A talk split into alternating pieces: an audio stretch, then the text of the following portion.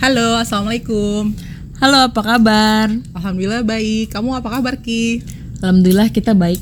Hari ini kita mau ngapain nih? Setelah sekian episode kita cuma berdua aja, kali ini ada sesi baru namanya BBM. BBM apa tuh? Bebas bermanfaat. Ada bintang tamunya artinya ya? Ada ada. Jadi di BBM ini kita nggak berdua doang ya. Bisa bisa berempat, bisa bersepuluh malah ya. Se-RT juga boleh. Boleh. Oke. Tentang insecure dan bersyukur. Butuh ini untuk Pada BBM session ini harusnya kita ngobrol bebas bermanfaat apa pun topiknya, tapi karena episode kemarin tentang insecure, jadi kali ini kita mau ngobrol bareng bintang tamu kita tentang insecure. Bintang tamunya ada siapa aja? perkenalkan diri lu dong. Bintang tamu nomor satu. bintang tamu nomor satu. Halo, assalamualaikum warahmatullahi wabarakatuh. Gua Avi, temennya mereka. Bintang tamu dua silakan. Assalamualaikum warahmatullahi wabarakatuh. Ada Citra Kirana di sini. Serius-serius siapa nih? Enggak, oh serius oke. Ada Karere di sini. Siapanya kita? Eh, kakaknya anak-anak. Setelah episode terakhir kemarin kita udah bahas tentang insecurity dari insecurity itu apa, penyebabnya gimana, terus eh, gimana cara menghadapi insecurity itu sendiri. Itu kan dari perspektif kita berdua. Kebetulan kita berdua sama-sama perempuan. Kali ini kita mau dengar dari perspektif Abang Avi sebagai laki-laki. Oke, jadi sekarang mau bahas tentang insecurity dari uh, pandangan laki-laki kali ya. Kalau gue sendiri, karena gue juga udah cukup berumur, Berapa berapa bang? Berapa bang? ya udah kepala tiga lah pokoknya. Nah, apa ya hal yang paling sering gue rasain mungkin, apalagi terutama mungkin belum ketemu jodoh kali ya. Saya juga belum Kira ya, Bang. Amin. ya Allah. Nah, ya paling itu aja sih. Jadi ya kayak eh ya ketika ketemu teman-teman yang lain kali ya yang udah berkeluarga rata-rata kalau misalnya kita reunian sila- silaturahim lagi udah ada yang apa namanya pada bawa pasangan bahkan sampai ya udah pada bawa anak sendiri gitu kan. Nah, cuman ya gua kan belum nih gitu. Kadang-kadang suka agak ya kepikiran sedikit sih, nggak sedikit sih. Kalau angkatan abang udah pada bawa cucu juga ya? kurang ajar emangnya. Mohon maaf guys, nih emang ya adik-adik gue yang ini nggak ada adab. ya paling kayak gitu sih salah satunya. Jadi ya kadang-kadang ya bukannya nggak mau juga sih diajak ngumpul. Cuman kayaknya kalau misalnya diajak ngumpul ya mereka kayak udah bawa sesuatu yang mungkin gua belum bawa kayak gitu. Jadi ya gue kayak agak gimana ya? Ya kayak takut mereka ada yang diobrolin dan stema sedangkan gue belum sampai di tahap sana kayak gitu sih. Gitu. Kalau dari karirnya gimana karirnya? Eh, aku versi yang gimana nih? Jadi kan kalau kemarin aku kebetulan berdua Saski juga masih jomblo. Bahasannya tuh kayak di usia aku sama Saski, aku sih terutama karena aku udah hampir 25. Saski satu tahun di bawah aku. Ya udah mulai banyak pertanyaan, kapan nikah? Kapan nikah? Karena perempuan kayak 25 belum nikah. Itu stereotipnya di Indonesia kan kayak ngapain lagi sih gitu. Terlalu milih sih bla bla bla bla. Eh. Oh, maksudnya mau cek Ah, itu kan kalau itu insecure dari kita para jomblo nih perempuan. Nah kalau yang udah nikah tuh insecure insecure-nya itu apa? apa? Karena kan udah memenangkan hati seseorang kan. Weh weh weh. Oh, Oke, aku jelasin di sini ya. Mas Grey. kadang di posisi sebagai seorang istri ya nih yang udah mengalaminya ada sih satu sisi merasa insecure kayak takut suami berpaling ke perempuan lain. Oh, ada. tuh cuma aku cara ngatasinnya ya udahlah pede aja pasrahin diri. Eh, tadinya aku insecure terus kayak gitu terus jadi kayak posesif gitu kan sama suami. Jadi kayak nggak sehat hubungannya dan itu emang benar-benar baru aku lewatin. Ini real ya aku ceritain sesuai dengan pengalaman hidup. Dan eh aku mikir gini setelah aku jalanin dengan dengan pola pikir aku yang kayak gitu kok jadi bikin capek sendiri ya kayak gitu kan. Insecure terus ngelihat eh soalnya zaman sekarang kan udah semuanya serba mudah kan apalagi eh, laki-laki itu punya hobi yang nggak mungkin kita ikutin terus-terusan. Nah di dunia luarnya suami itu yang kita nggak bisa liatin 24 jam dia ketemu siapa aja perempuan. Nah itu banyak kemungkinan yang bikin kepala tuh makin mikir yang enggak enggak gitu. Tapi aku akhirnya belajar sendiri belajar sendiri ngobatin diri sendiri mengatasi itu sendiri dengan yang kayak gini.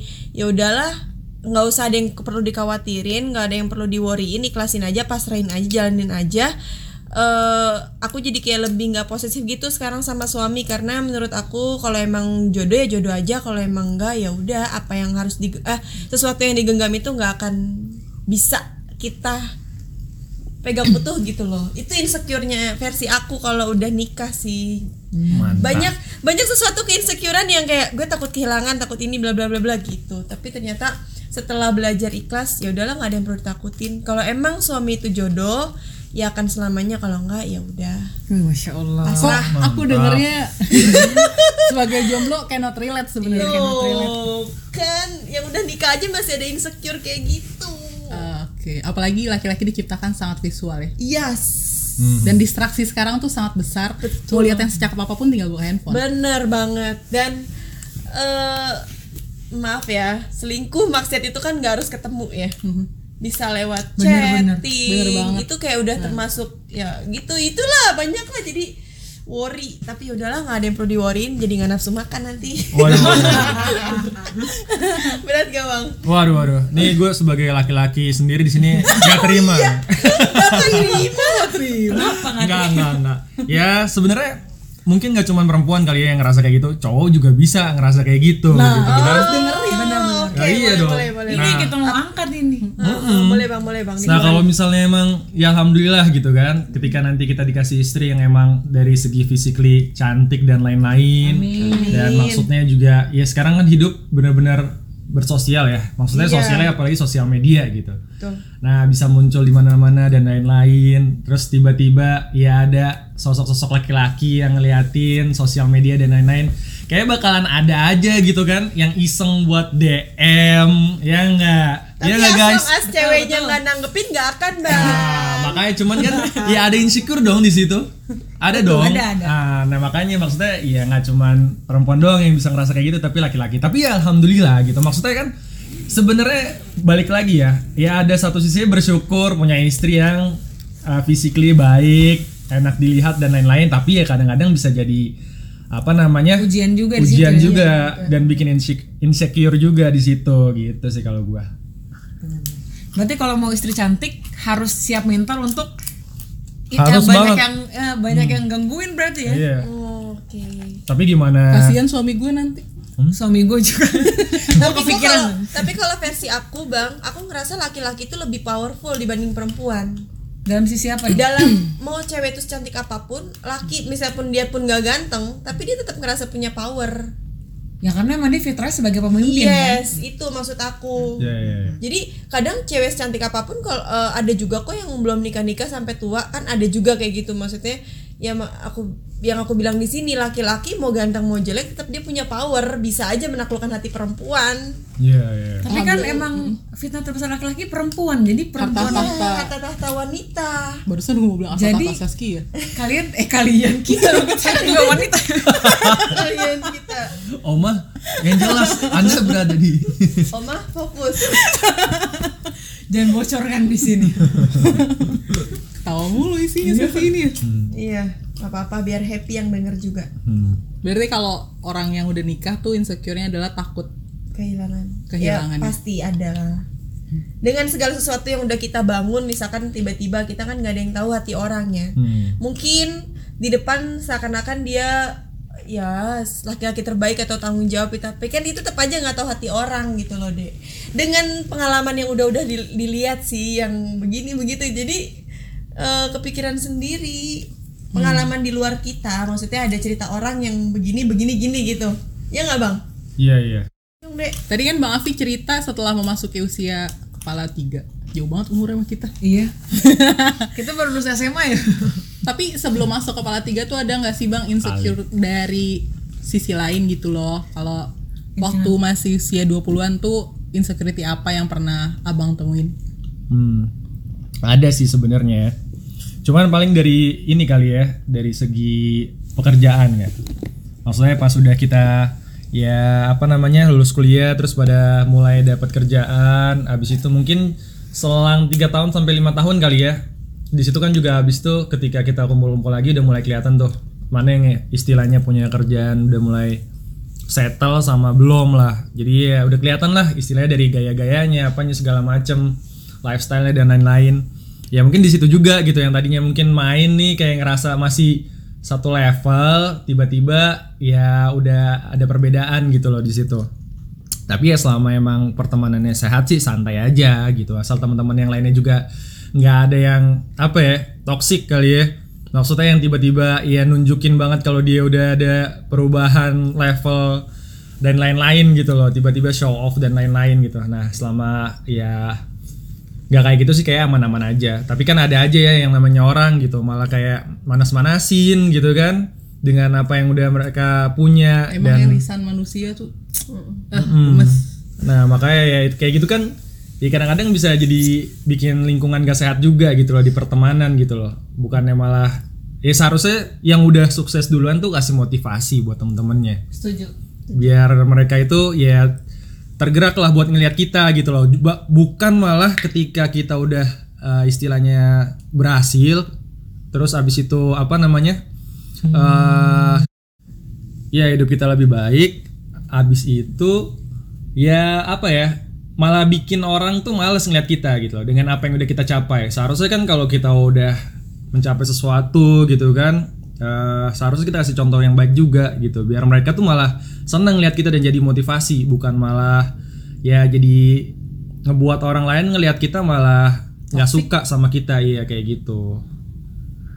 Gitu guys. Ngomong-ngomong soal pekerjaan abang kan dulu sempat sebelum sekarang berwirausaha berbisnis abang sempat kerja di lembaga yang gak boleh di agama kita nih sebenarnya. Astagfirullahaladzim Ukti di lembaga apa tuh Buka kartu ya. Ya Allah Astagfirullah Nah itu kan abang artinya hijrah dari lembaga itu terus memutuskan untuk berbisnis. Nah di dalam perjalanan itu abang menemukan insecurity nggak? Siapa tahu yang dengerin ini juga lagi ada di posisi itu dan mau keluar sebenarnya. Ya Iya Jadi ya Insecure iya Cuman maksudnya bukan lebih ke Ini orang lain kali ya Pandangan orang lain atau gimana Cuman ya kayak ngerasa Eh sama sih pandangan orang lain bener. Ketika kita udah belajar Mungkin dulu dari zamannya gue belum ngaji Sampai akhirnya udah mulai belajar dikit-dikit Nah itu kan lingkungan juga berubah ya Pertemanan dan lain-lain gitu. Nah ketika kita udah berada di lingkungan yang bersama orang-orang yang udah belajar teman-teman baru itu dan mereka udah tahu gitu kan kondisi maksudnya pekerjaan yang baik dan benar seperti apa yang tidak baik juga seperti apa ya nggak enak juga gitu. Kadang ada rasa ya apa ya? Ya nggak enak lah ketika kita udah sama-sama belajar tapi ya kita tahu hal itu harus ditinggalin tapi mas- masih harus kita jalanin gitu loh. Tapi kalau gue sih waktu itu pernah ngobrol-ngobrol ya sama bokapnya teman gue ya selama masih kondisi darurat jalanin aja dulu tapi dengan terus ikhtiar buat nyari penggantinya yang lain yang lebih baik. Jadi kalau misalnya emang belum ada ya terserah sih maksudnya emang kalau kalian udah yakin banget pertolong- pertolongan Allah itu pasti datang ya tafadol tinggalin gitu loh pekerjaan itu gitu. Tapi hati-hati di situ gitu karena ya kita nggak ada yang tahu kan ke depannya. Mungkin Allah langsung kasih ataupun Allah belum langsung kasih. Nah kalau misalnya Allah belum langsung kasih ya persiapkan diri aja di situ untuk uh, husnuzon terus sama Allah dan sabar kayak gitu. Tapi kalau misalnya uh, mungkin dari yang gue denger waktu itu kalau misalnya kalian emang mau lebih pasti dan lebih aman ya sebelum kalian pindah lebih baik kalian ikhtiar dulu sambil cari yang terbaik gitu Insya Allah ya semoga Allah juga mudahin untuk dapetin penggantinya yang lebih baik jadi setelah kalian resign pun udah ada pekerjaan yang lebih baik gitu Insya Allah Oke, got the point. Eh, sebelumnya juga di episode 4 tuh kita insecurity dari perempuan lebih banyak masalah fisik. Kalau dari laki-laki ada nggak sih bang? Fisik. karena kan lawan jenis kita visual sekali gitu jadi kita sangat memikirkan perkataan orang kalau menuju ke fisik nah sedangkan kalau laki-laki lawan jenis itu perempuan jarang yang memperhatikan bukan memperhatikan fisik mempertimbangkan sesuatu dari fisik laki-laki gitu lebih kayak kenyamanan kan Mungkin iya tapi nomor keberapa Nomor kali keberapa, ya? iya, Di nomor belakang kesekian. mungkin itu kalau Iya. cakep atau enggaknya. Hmm, Betul. hmm, hmm, hmm. kalau di laki-laki pernah nggak mengalami insecurity di bagian itu fisik Fisik. Ya Kalau fisik kayak enggak deh. Enggak terlalu ya. Gue boleh ngasih pandangan yang lain enggak? Boleh, boleh. Boleh, dong. Ya. Kalau fisik kayaknya enggak terlalu ya. Kalau laki-laki ya. Karena kan ya kita juga udah mungkin tahu gitu loh. Perempuan kayaknya bukan itu yang utama deh. Tadi kan udah dibahas juga gitu. Kalau misalnya entah ngobrol-ngobrol atau kapan ya gitu kan tadi. Ya kalau misalnya perempuan kayaknya kalau selama laki-lakinya bisa bikin nyaman, bisa eh, ngerasa eh, bikin eh, perempuan lebih apa ya? Ya lebih berharga lah di mata dia ya kayak itu aman-aman aja kayak gitu gitu loh. Nah kalau gue sih kayak lebih ngerasa mungkin kebanyakan laki-laki bukan lebih ke fisik nih, tapi ke materi atau penghasilan, finansial. Nah itu sih menurut gue. ini yang ditunggu-tunggu pancingan aku dapat kan Emang arah ke sana. Ya apa ya? Ya maksudnya kalau kayak tadi kan kalau apa bahas insecure eh, tentang laki-laki eh kalau perempuan lebih takut laki-lakinya itu kalau misalnya ngelihat ada yang lebih cantik di luar atau kayak gimana dan lain itu kan fisik ya. Nah, makanya kalau laki-laki kayaknya nggak ke situ nih arahnya. Lebih ke arah ya itu ngelihat dari perempuannya gitu kan. Karena kayaknya kalau gue sendiri pengalaman yang gue dengar lebih banyak ya banyak juga nih wanita yang emang lebih ngelihat laki-laki dari situ gitu loh arah sana gitu kan. Jadi ya kayaknya lebih ke arah sana sih kalau gue.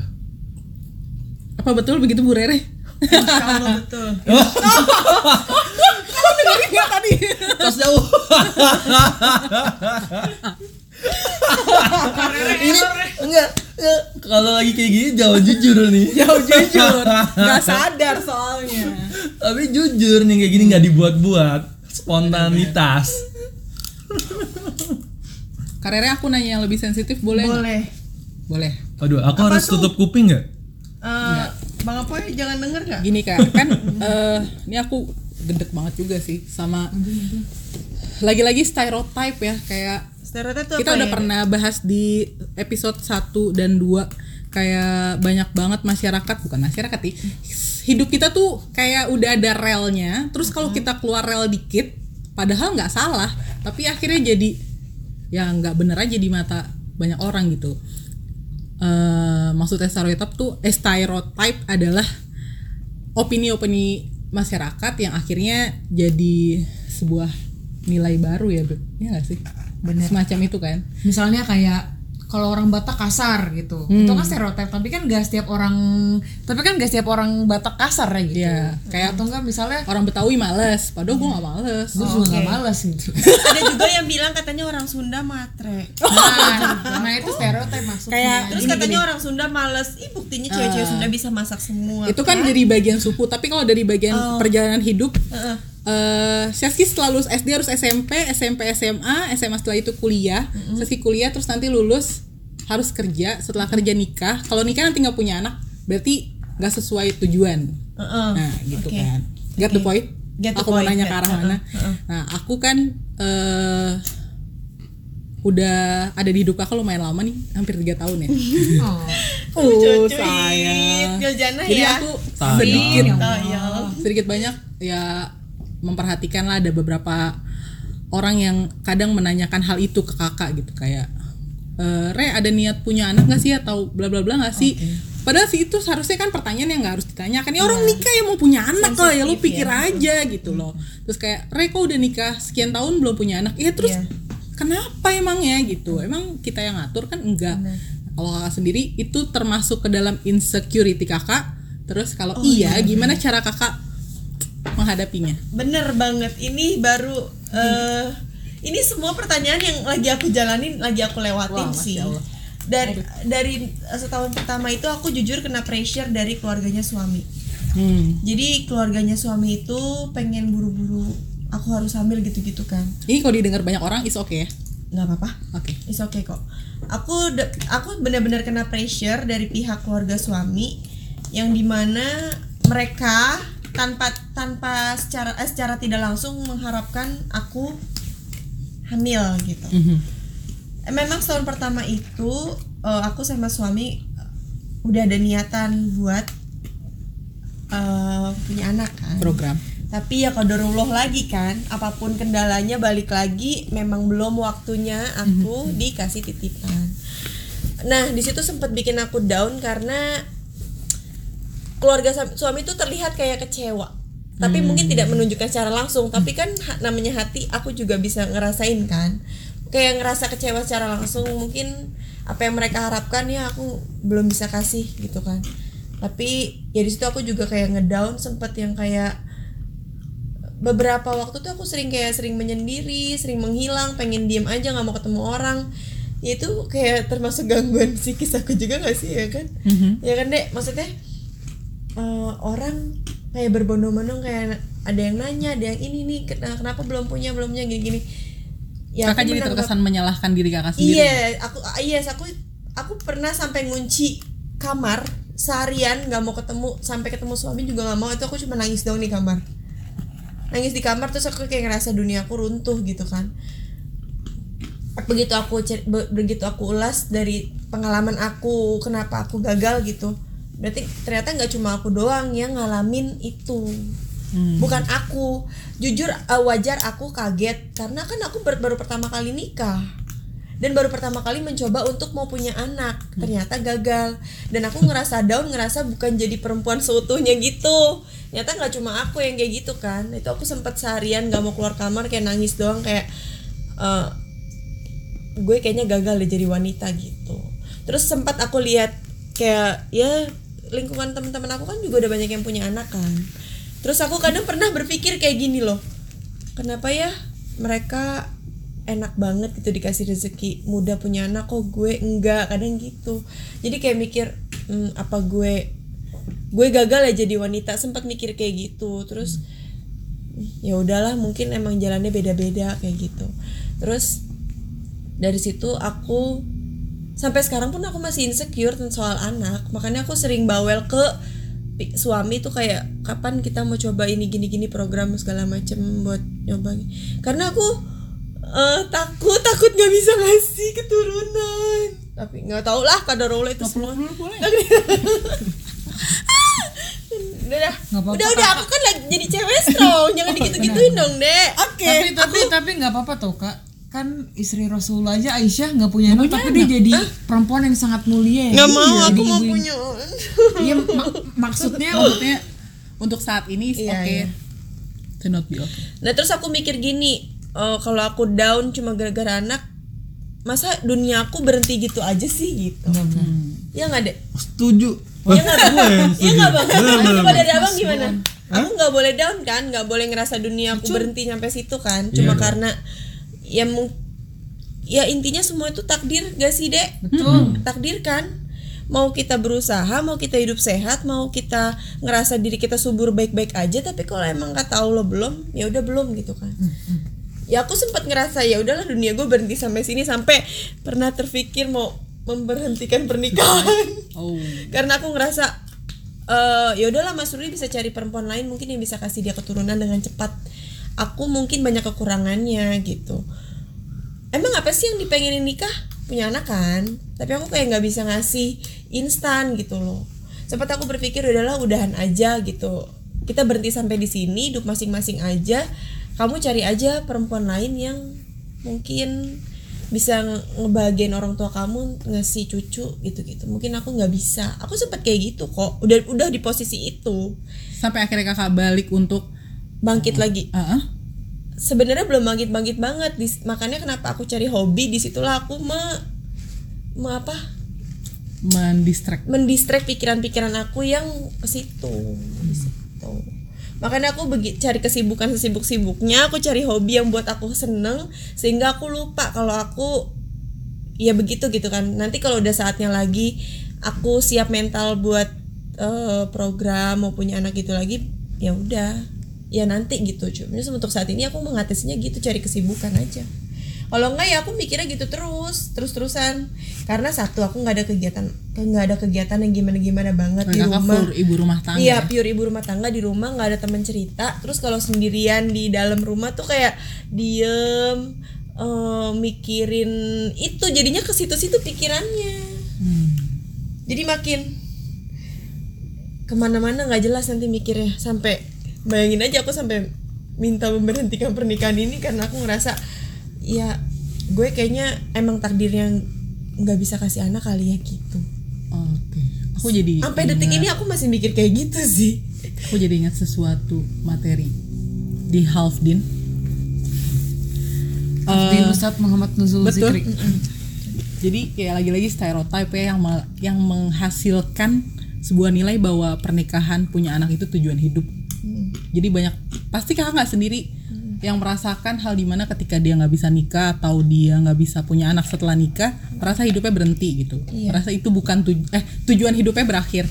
Padahal sebenarnya konsep yang sesungguhnya adalah pernikahan itu pernikahan, punya anak itu semua kendaraan untuk kita mencapai tujuan hidup yang sesungguhnya gitu. Jadi untuk teman-teman yang mendengarkan ini dan sedang berada di posisi karere atau Bang Afi yang belum bertemu jodohnya, sebenarnya itu sama ada berjuangnya ya bang iya. Iya Dua-duanya itu punya anak dan menikah itu tujuan eh tujuan hidup, kendaraan untuk menggapai tujuan hidup. Iya. Tujuan hidup kita apa yang sesungguhnya boleh dengerin di season 1 dan 2 ya. Oh, Oke. paham, paham. Jadi oh, jadi gini, orang yang belum merit punya tujuan dia pengen buru-buru merit, sementara orang yang udah merit jadi punya tekanan untuk pengen buru-buru punya anak. Hmm. Gitu ya, Dek? Iya. Maksudnya sama-sama ada yang mau dicapai gitu. Jadi bukan sesuatu yang ya karena lo udah nikah terus belum punya anak terus itu lo gagal gitu. Enggak gitu kan. Hmm. Gimana? Kayak misalkan Bang Apoy sampai misalnya sekarang Bang Apoy sekarang belum merit, bukan berarti Bang Apoy gagal kan? Bukan. Iya, gitu betul. Gitu. Karena kan tujuan hidup dari Allah tuh maksudnya bukan itu gitu loh. Oh, Bang Afi mau ngomong. Bang Afi maksudnya. Iya, ya maksudnya Afi. Maaf, tujuan Bang Afi. Jadi kan tujuan Allah menciptakan kita, Allah bilang cuma untuk beribadah gitu loh. Ya artinya ibadah kan banyak beribadah dan menjadi hamba Allah yang bertakwa. Bertakwa kan gak harus lewat pernikahan atau bertakwa lo harus ketika lo udah punya anak gitu loh. Jadi ketika lo belum punya anak atau belum belum menikah, lo pun tetap bisa jalan ke arah sana. banyak jalan menuju takwa gitu nggak harus karena lo harus punya anak lo jadi takwa gitu nggak gitu ya oke Berarti harus ada perbaikan persepsi gitu Betul. ya. Persepsi hidup. Ini terlalu banyak stereotip masyarakat kita nah itu yang termasuk bikin insecurity aku terbesar saat ini apa tuh? jadi ya itu gimana caranya biar aku nggak mikir bahwa aku ini gagal karena aku belum punya anak sampai sekarang itu dia mungkin kenapa Allah menghadirkan manusia-manusia solih sebelum kita untuk kita ambil pelajaran dari mereka. Kayak tadi Saski bilang ada istrinya Rasulullah yang wanita sangat mulia tapi beliau tidak ditakdirkan oleh Allah untuk memiliki keturunan. Karena kan keturunan Rasulullah cuma dari Khadijah, jadi berarti dari istri-istri setelah Khadijah tidak Allah takdirkan untuk memiliki keturunan dari Rasulullah gitu. Artinya kan ketika kita menikah terus belum punya anak is not aib gitu loh. Oh, bukan aib ya? Is not big. Apa ya? Nah, itu. Itu nggak mendefinisikan kakak sebagai Oke, manusia seutuhnya gitu. iya dek tapi nggak semua orang punya pandangan kayak kalian. That's why kita bikin podcast di ini. situ makanya aku ngerasa insecure karena mungkin orang lain ada yang berpandangan ih gimana sih? Orang udah nikah lama belum punya anak. Itulah kata-kata itu yang terngiang-ngiang di kuping aku yang jadi aku rasa takut kadang aku males ah, aku ketemu orang males ah, aku mau menyendiri aja.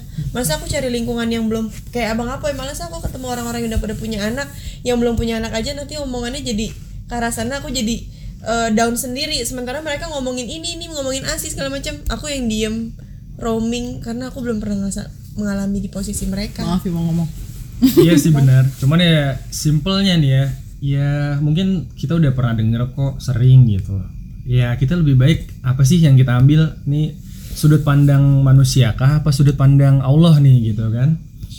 Ya kalau misalnya sudut pandang manusia ya nggak akan ada yang ya puas gitu loh. Ngelihat kita udah sebaik apa pun sejelek apa pun tetap aja gitu kan akan ada kurang kekurangannya gitu loh. Nggak akan ada yang cocok dan masuk juga ke kita kalau kita cuman dengerin sudut pandang dari manusia. Buat apa gitu? Nah balik lagi ke tujuan awalnya kan tadi kan yang dibicarain kan ya gimana cara kita dalam hidup ini untuk bertakwa kepada Allah gitu. Berarti ya udah lakuin aja yang emang menurut Allah itu baik untuk dijalanin dalam hidup ini dan untuk mencapai ridhonya dia gitu kan. Ya itu aja gitu ya kayak apa ya persetan dengan pandangan manusia yang lain yang bikin toksik aku aku jadi inget konsep yang pernah aku bilang sebelumnya ki. Kayak Islam tuh equal banget. Eh aku juga jadi sedih di satu waktu kita diajarkan sama Islam untuk menjaga lisan kan? Kayak lisan kita tuh sangat mempengaruhi hidup seseorang gitu. Even aku cuma ngomong eh misalkan temen aku berisik. Hidup lu berisik banget sih. Aku ngomong mudah banget tapi aku nggak tahu setelah itu apa yang bakal dia rasain di hidupnya. Bisa jadi dia jadi pendiam terus jadi hidup yang nggak bermanfaat cuma karena satu kalimat aku berisik banget sih loh gitu.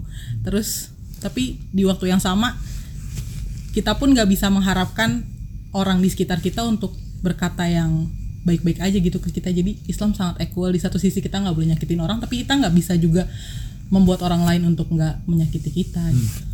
Itu bisa juga loh sebenarnya ya kayak mungkin di lingkungan dia entah di keluarga atau gimana lagi ada sesuatu yang nggak baik makanya ketika dia keluar ketemu sama teman-temannya ya dia mau ngelampiasin hal itu aja dengan ya udah bahagia seneng-seneng aja sama teman-temannya gitu kan makanya kita nggak ada yang tahu sih sebenarnya Tuh. Jadi sebenarnya masalah insecure ini penyebab terbesarnya lisan manusia bisa ya. manusia bener Benar-benar. bener banget deh Fokus bener. on what you can control. Dan Itu salah satu rumus. maksudnya gini kita nggak bisa eh, nyetop dan eh, lisan orang lain itu untuk ber- selalu berkata baik kan. Makanya insecure ini bikin aku pribadi kayak pengen udah deh gue menyendiri aja malas ketemu orang. Nanti ngomonginnya yang nggak yang bikin gak enak hati. Jadi lebih baik udah deh jadi pengen jadi orang yang introvert gitu loh. Karena insecure ini. Iya, jadi iya, iya. ansos itu ya. jadi pengen ansos. Hmm, hmm. Aku jadi dan ingat ini apa, real kejadian di aku bener Yang mana? apa hadis yang salah satu bagian tubuh kita yang tidak bertulang tapi bisa Lidah. Lidah. Iya maksudnya hadisnya apa ya? Aku lupa deh. Pokoknya ada tentang itu. Hmm. Pokoknya bahas tentang lidah itu eh, apa ya? Bagian tubuh yang paling berbahaya yang bisa menjerumus kita ke dalam api neraka. ya. Bener, nusuk banget nusuk ke dalam-dalam Iya. Oh sama pernah denger juga dari salah satu guru sebenarnya. Kayak waktu itu eh beliau pernah nulis gitu sih. Emang dari apa yang kita keluarkan eh, perkataan itu tuh lebih baik coba dipikirkan baik-baik dulu ya sebelum dikeluarkan gitu. Meskipun kita ngerasa itu tuh kayak biasa aja gitu, tapi ya lebih baik dipikirkan dulu karena waktu itu pernah nih eh, beliau kasih contoh kayak misalnya kayak tadi pekerjaan gitu kan kita ketika lagi teman-teman kumpul udah punya eh, pekerjaan masing-masing terus habis itu biasalah namanya juga anak-anak udah santai segala macem nanya dong salary berapa di tempat lo kerja sekarang kayak gitu. Nah terus ketika dibahas habis itu disebutin nilai salarinya ya udah tiba-tiba ada yang ngomong serius lo salary lo segitu? Padahal lu kan kerja udah berapa lama dan di posisi itu masa lu cuma dapat salary seperti itu segitu gitu kan. Nah maksudnya sih oke lah mungkin di situ niat lu mau ngasih motivasi gitu loh. Seharusnya lu uh, dengan skill yang lo punya dan istilahnya udah apa namanya uh, loyalitas yang udah lo kasih kantor lo bisa dapat lebih dari itu. Maksudnya mungkin lo mau seperti itu tapi bisa jadi itu yang dicerna sama temen lo bisa beda. Dia bisa ngerasa tiba-tiba ya ya udah tempat kerjaan dia emang tidak memperlakukan dia dengan semestinya dan tidak tidak ngasih gaji yang seharusnya gitu. Nah kalau misalnya tiba-tiba dia cabut dari kerjaan itu gitu kan dia resign terus abis itu belum ada penggantinya ternyata dia itu bisa jadi di keluarga sosok yang jadi tulang punggung. Nah, itu bisa jadi bumerang sendiri loh buat temen lo itu gitu. Ketika dia cabut kerjaan terus tiba-tiba belum ada penggantinya dia harus menuhin kebutuhan entah orang tuanya adik-adiknya yang masih sekolah dan lain-lain. Tiba-tiba stop nggak ada penghasilan. Itu selesai bro.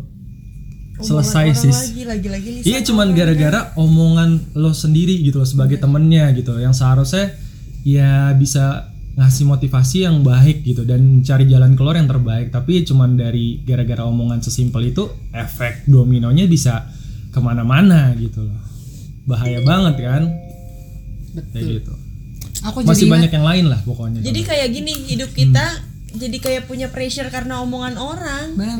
Jadi ingat apa Ki? Aku jadi ingat eh, obrolannya obrolannya ininya Ustadz Nuzul.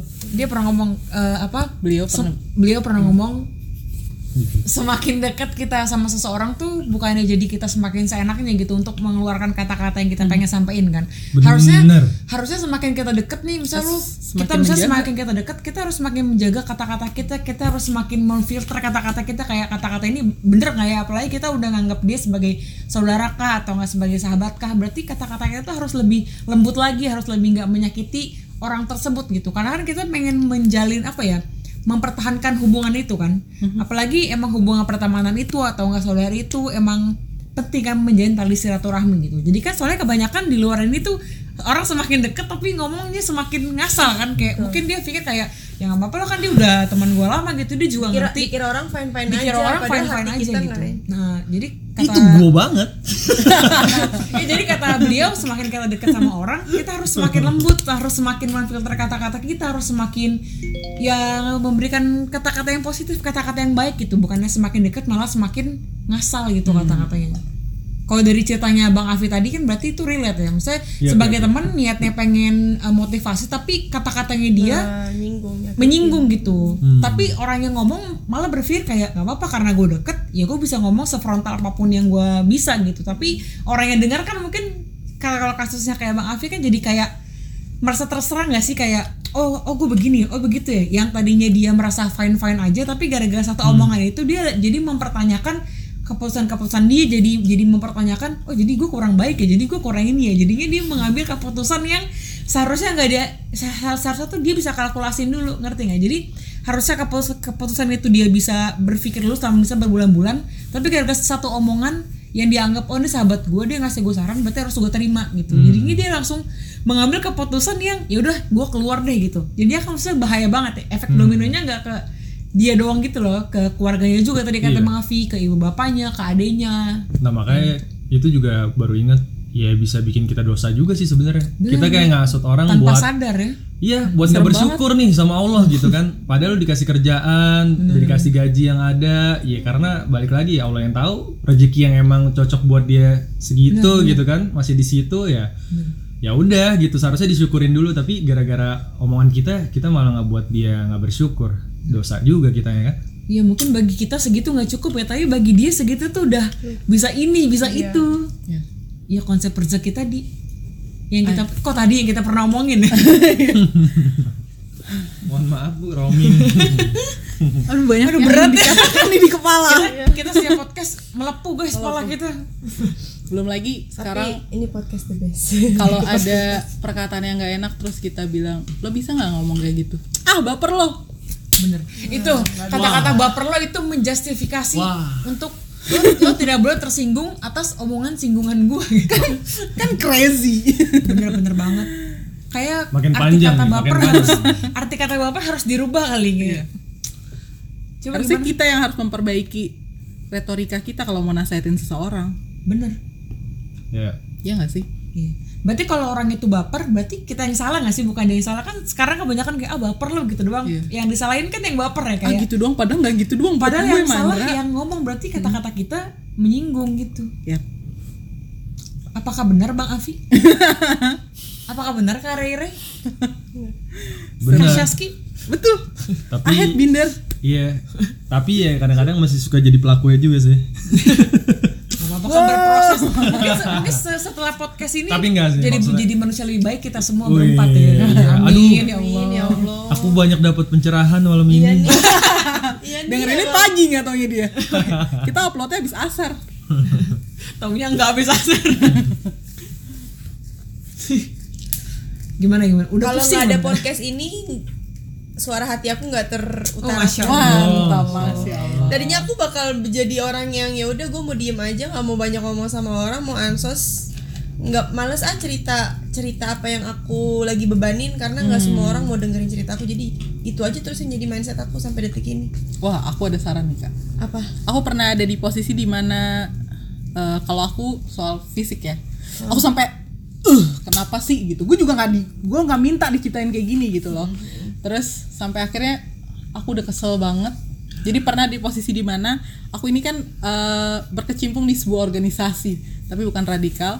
Terus eh, di organisasi itu adalah satu waktu one day pemilihan penugasan untuk sesuatu dan aku saat itu waktu seleksi secara nilai bla bla bla aku mumpuni gitu standar aku cukup dan ini entah apa maksud Allah menemukan aku dengan hal ini yang sangat crazy sih menurut aku. Jadi mau nangis. No. Eh, I mean, itu yes. udah apa maksudnya? Diem nggak? Apa? Aku udah pokoknya harusnya aku terpilih. Terus pas lagi penyeleksian oleh juri aku ada di dekat juri itu tapi mereka tidak melihat aku. Aku melihat nilai aku mencukupi untuk mendapatkan tugas itu.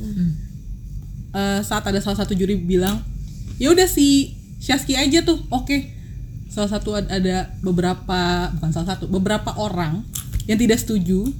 Dan aku penasaran mereka bilang enggak lah jangan dia yang lain aja. Terus si juri ini udah bilang ya dia mau mumpuni kok gitu. Dan si sekelompok orang ini berkata ada yang lain gak yang lebih enak dilihat? Sakit banget. Siapa mereka? Yang mana orang yang mana yang mana? terus eh, hal itu membuat hal itu membuat aku kayak "Hah, ini manusia lisannya bener-bener sejahat ini ya gitu. Maksudnya ada ya Allah menciptakan manusia lisannya dengan sejahat ini gitu. Padahal aku sangat enak dilihat. Iya, pede banget. kamu kamu denger langsung. Udah langsung. Di situ oke aku tadi mau marah cuma aku mikir ngapain juga gue marah? gitu ya. Mungkin memang bagi mereka gue nggak enak dilihat. Dan gue hidup bukan untuk enak dilihat oleh mereka. Kira aku berdoa kayak ya Allah boleh nggak setelah ini setelah kejadian sepahit ini aku nggak ketemu lagi sama orang-orang kayak mereka jadi aku nggak ada rasa benci sama orang-orang yang seperti itu mungkin Allah memang sengaja menciptakan orang-orang seperti itu dan mentakdirkan aku mendengarkan hal itu untuk pendewasaan aku karena waktu itu aku mendengar itu waktu aku belum pakai hijab sih. Nah itu juga aku pun tertohok akhirnya apa apa gue ada yang salah ya secara penampilan. Itu juga yang menjadi hidayah akhirnya aku udahlah gue hijab aja daripada dengerin kata-kata crazy. Alhamdulillah. Ada hikmahnya Ada kan? hikmahnya tapi ya harus kadang orang pas kita mendapatkan hal pahit kayak gini ada orang yang kayak udahlah nggak usah dengerin. Nggak bisa ya tetap harus gue dengerin. Gue butuh waktu untuk embrace diri gue. Is is okay gitu loh. Perkataan orang itu is okay. Lo jadiin pelajaran lo cariin hikmahnya apa. Tapi lagi-lagi harus doa sama Allah. Walaupun aku bilang ya Allah nggak mau lagi ketemu orang kayak gitu. Walaupun ya aku gitu bingung sama orang-orang yang mudah melontarkan ke- kekurangan orang lain apa sih yang ada di motivasi Sama, hidupnya saya dia juga dirinya bingung. dia ya. Abis itu aku ngaca gue enak kok dilihat. Apa ya sakit mata. Enak kok muka habis. abang doyan. Tapi ketika kita insecure kayak gitu Heeh. sebenarnya pendukung terbaik pun orang-orang terdekat sih kak. Bener. aku pulang terus aku cerita ke papaku pak tadi aku mendapatkan kejadian orang ini gini terus cuma papaku cuma bilang enggak kok kamu oke. Aku langsung gue oke gitu. Berarti gua manusia lisannya pun nggak 100% salah gitu loh kalau kita berada di circle ya pasti Yang kita ada benar. punya tempat pulang kan kita emang nggak bisa kan baik lagi ya kita nggak bisa berharap semua orang bisa lisannya baik gitu ya Mhm. ke kita betul berdoa sih lagi-lagi berdoa lagi-lagi. untuk dipertemukan dengan orang-orang yang nggak ajaib ya nah itu Bener-bener. Oke deh, udah malam nih. 2132.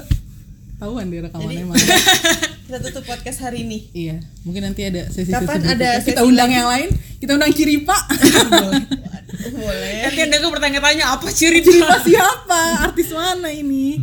Oke, boleh next Sipa Boleh, boleh. Mau dong rangkumannya? Waduh, gue kayak Bang Karnilias. Dado Ilyas Dado Ilyas.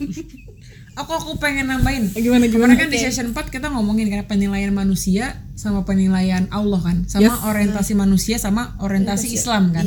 Kalau misalnya kita ngikutin penilaian manusia kan nggak ada habis-habisnya ya. Misalnya kita kan pengen jadi orang yang terbaik nggak sih? Pengen jadi orang yang semua orang suka, pengen jadi orang yang eh, semua orang tuh kayak oh kamu baik banget atau enggak oh kamu ngerti nggak sih kayak iya gitu. Bisa kan manusia kayak gitu kan. Tapi kan penilaian manusia dan penilaian Allah kan beda ya. Kalau penilaian manusia itu kan gak jelas ya. Misalnya aku suka kalau kamu A, tapi ternyata kalian suka kalau kamu B gitu. Tapi kalau misalnya penilaian Allah kan Allah suka kalau kita A, ya A aja. Jadi kalau misalnya kita eh, terpak tertuju dengan penilaiannya Allah itu tuh nggak akan berubah-berubah gitu. Penilaiannya akan terus sama. Mau kita gimana misalnya kita melenceng ke B gitu. Masa kita kita selalu mikir oh kan Allah maunya kita A jadi kita bisa langsung balik lagi ke A. Kalau misalnya kita ngikutin penilaian manusia oh manusia sukanya gua B. Nah nanti pas kita B dia bakal kasih komentar lain yang mereka dia maunya kita C. Ngerti nggak? kalau misalnya kita ngikutin omongan manusia tuh sampai kita mati pun nggak bakal ada habisnya gitu. Kalau misalnya kita ngikutin ngikutin orientasi Islam kita ngikutin penilaiannya Allah maunya kita kayak gimana itu akan mempermudah kita untuk bergerak nggak sih? Mem- mempermudah kita untuk eh, mengambil keputusan gitu. Kalau misalnya gue mau ambil ini oh gue cari yang Allah sukanya gue gimana gitu. Misalnya gue pengen masuk pendapat manusia mana yang paling mendekati maunya Allah? Mm-mm. keputusan gue yang mana yang Allah paling suka nih gitu. Atau nggak keputusan gue yang mana yang bisa membenefitkan kehidupan akhirat gue gitu. Kita kan di dunia banyak banyakan pahala nggak sih? Kayak kita berlomba-lomba untuk mendapatkan pahala. Jadi kalau misalnya kita mau ngapain ya kita pilih aja yang oh pahalanya lebih banyak yang mana nih gitu. Betul. atau enggak kira-kira Allah sukanya yang mana nih? Mau manusia nggak suka tapi Allah suka ya buang aja pendapat apa manusia ya? nggak sih? Kayak gue baru nulisin hadisnya di beberapa waktu lalu. apa tuh bang Hadis ya tolong dong. Sebelum tidur jadi gue kadang-kadang suka kok gemes nulisin hadis yang habis gue baca nih. Iya, gitu masya kan. Allah. Siapa tahu bisa jadi pencerahan buat yang lain gitu kan. mungkin ini penutup penutup penutupnya hadisnya bang hadisnya bang Afi hadis yang akan disampaikan bang Afi anda hidup sudah Dikira lama ya Ini dikira hadis sesat yang ada kalau hadis gue. hadis yang akan disampaikan bang Afi viral nih podcast penutupan guys judulnya hadis Afi hadis sesat. Tambah banyak dong musuh gue. nanti nama alirannya Aduh. Afifah ya Afi Pak, iya Nah, nih, jadi kemarin gue abis eh, sempat posting hadisnya itu hadis ini sebenarnya. Ini kayak kayak semacam inti dari inti ya sih dari Dari kita malam ini gitu. Seharusnya. Kalau kita nggak mau insecure, kayaknya ya salah satu patokannya hadis ini gitu kan. apa, tuh bang penasaran ya bang muter-muter ya Wih, harus biar pusing dulu. biar pusing Oke, gue bacain ya hadisnya ya. Ya. Bismillahirrahmanirrahim. Barang siapa yang mencari ridho Allah, sedangkan manusia murka padanya, maka Allah akan melindunginya dari kejahatan manusia. masya Allah, Masya Allah. Dan barang siapa yang mencari ridho manusia, sedangkan Allah murka padanya, maka Allah memberikan urusan orang tersebut kepada manusia. masya Allah Hadis riwayat Tirmizi, Qodoi dan Ibnu Asakir. Sanat hadis Hasan. masya Allah masya Allah Clear nggak? clear Nah, dari tadi nggak usah podcastnya langsung aja baca hadis itu cuma 10 detik dong podcast gitu Enggak dong, kan orang butuh case, Oh, iya. Benar, bisa langsung. benar-benar iya gimana masya Allah banget malam ini. Iya Kalau banget deh. next. Kok next tiba-tiba harus ngobrol lagi. Iya. nanti kita cari topik yang menggelitik. Nanti kita undang-undang orang yang sehebat-hebat ke Afi dan Rere ya. Aduh, yang punya hadis sendiri. Jangan dong. Astagfirullahaladzim. Aduh. Agama apa nih? jangan sadis ya guys. Eh, jangan dilaporin kita. Udah ya, guys. Oke ya. Terima kasih. Untuk teman-teman yang mendengarkan jangan lupa doakan Karere dan Bang Afi semoga hajatnya Mantap. segera Amin. Amin ya Allah ya Rabbal Alamin. Eh jangan cuma aku sama Bang Afi dong, Syaski dan Saskia juga kan pasti Amin. punya hajat yang tidak tersampaikan. Eh bukan nggak tersampaikan Belum tercapai. Belum tercapai Enggak, maksudnya di dalam Oh, hati belum. kalian yang nggak disampaikan ya Oh kan. iya. iya. Maksudnya rahasiakan maksudnya. gitu. Tapi nggak apa-apa kita nggak dengar tapi Allah dengar kok. Amin. Masya Allah. Makasih Masya Allah. banyak udah mendengarkan. Semoga bermanfaat. Bye Lah, semuanya. lu semua Love you all. Assalamualaikum warahmatullahi wabarakatuh. Waalaikumsalam warahmatullahi wabarakatuh. wabarakatuh.